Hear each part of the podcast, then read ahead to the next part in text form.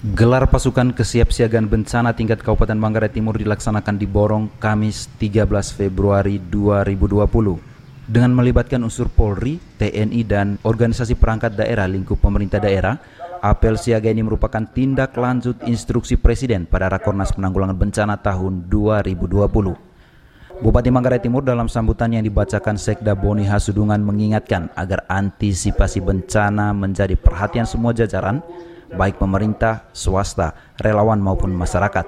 Seluruh pemangku kepentingan dan elemen masyarakat harus tanggap terhadap ancaman bencana, tidak hanya saat terjadi tanggap darurat, tetapi juga dalam mengantisipasi dan penanganan pasca bencana.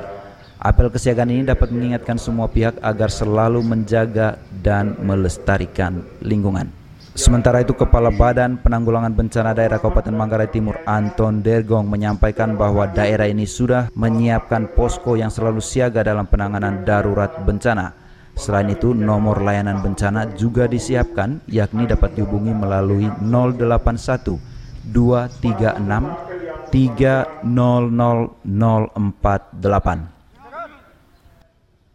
Ini menindaklanjuti instruksi Presiden pada Rakornas tanggal 4 Februari yang lalu di Bogor. Jadi di Manggarai Timur eh, hari ini dilakukan gelar pasukan kesiapsiagaan bencana. Ya. Jadi ini sebenarnya satu eh, bentuk ke kesiapsiagaan pemerintah dan stakeholder lainnya ketika terjadi bencana. Ketika terjadi bencana, kita sudah pada kondisi siap baik pemerintah maupun uh, masyarakat dan uh, stakeholder lainnya. Uh, yang terlibat hari ini uh, ada unsur TNI, Polri, kemudian dari uh, bencana daerah, relawan, kemudian ada PMI, ada Pol PP, kemudian kesehatan, Tagana, dan unsur uh, masyarakat lainnya status uh, bencana untuk Manggarai Timur sendiri, Bu? Oh ya, uh, memang uh, kondisi ini hampir uh, menyeluruh khusus NTT. Uh, kita dalam kondisi siaga, ya. dan memang siaga ini memang tidak salah. Contoh saja beberapa bulan lalu terjadi bencana angin puting beliung di Kecamatan Ombeleda di Desa Sadar Kampas dan itu merusak ke beberapa rumah masyarakat, puluhan rumah, ya. puluhan rumah masyarakat. Kemudian banjir, banjir ini juga oh, mengakibatkan rusaknya beberapa beberapa infrastruktur, saluran irigasi, bahkan ada jembatan juga di layar selatan itu akibat banjir, hujan lebat, akhirnya ada satu jembatan di Banenbar itu mengalami kerusakan dan praktis jembatan ini pasti tidak bisa digunakan lagi.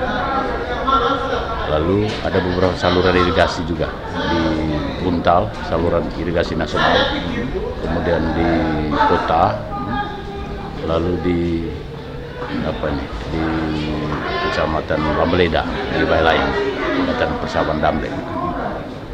Terhadap uh, bencana yang uh, terja sudah terjadi di Manggarai Timur ini, seperti infrastruktur, kami sudah turunkan tim kaji cepat ya, bersama OPD terkait untuk uh, mengkaji kira-kira seberapa besar kerugian yang dialami baik uh, uh, fisiknya maupun non fisiknya. Kemudian hasil kajian ini nanti kami akan sampaikan kepada bupati dan instansi terkait sesuai dengan kewenangan masing-masing. Kemudian terhadap uh, bencana angin puting beliung, uh, kemarin kami uh, sudah turunkan bantuan, bantuan darurat berupa bantuan logistik terhadap beberapa keluarga yang mengalami uh, atau menjadi korban bencana angin puting beliung. Oh ya, kita ada nomor. Kita punya posko. Sekarang ini kita ada posko, posko siaga bencana, posko bencana di kantor BPBD. Ada nomor uh, nomor layanan nomor untuk bisa diakses oleh publik maupun media untuk uh, bisa mengakses berbagai kejadian bencana maupun informasi-informasi yang terkait dengan bencana.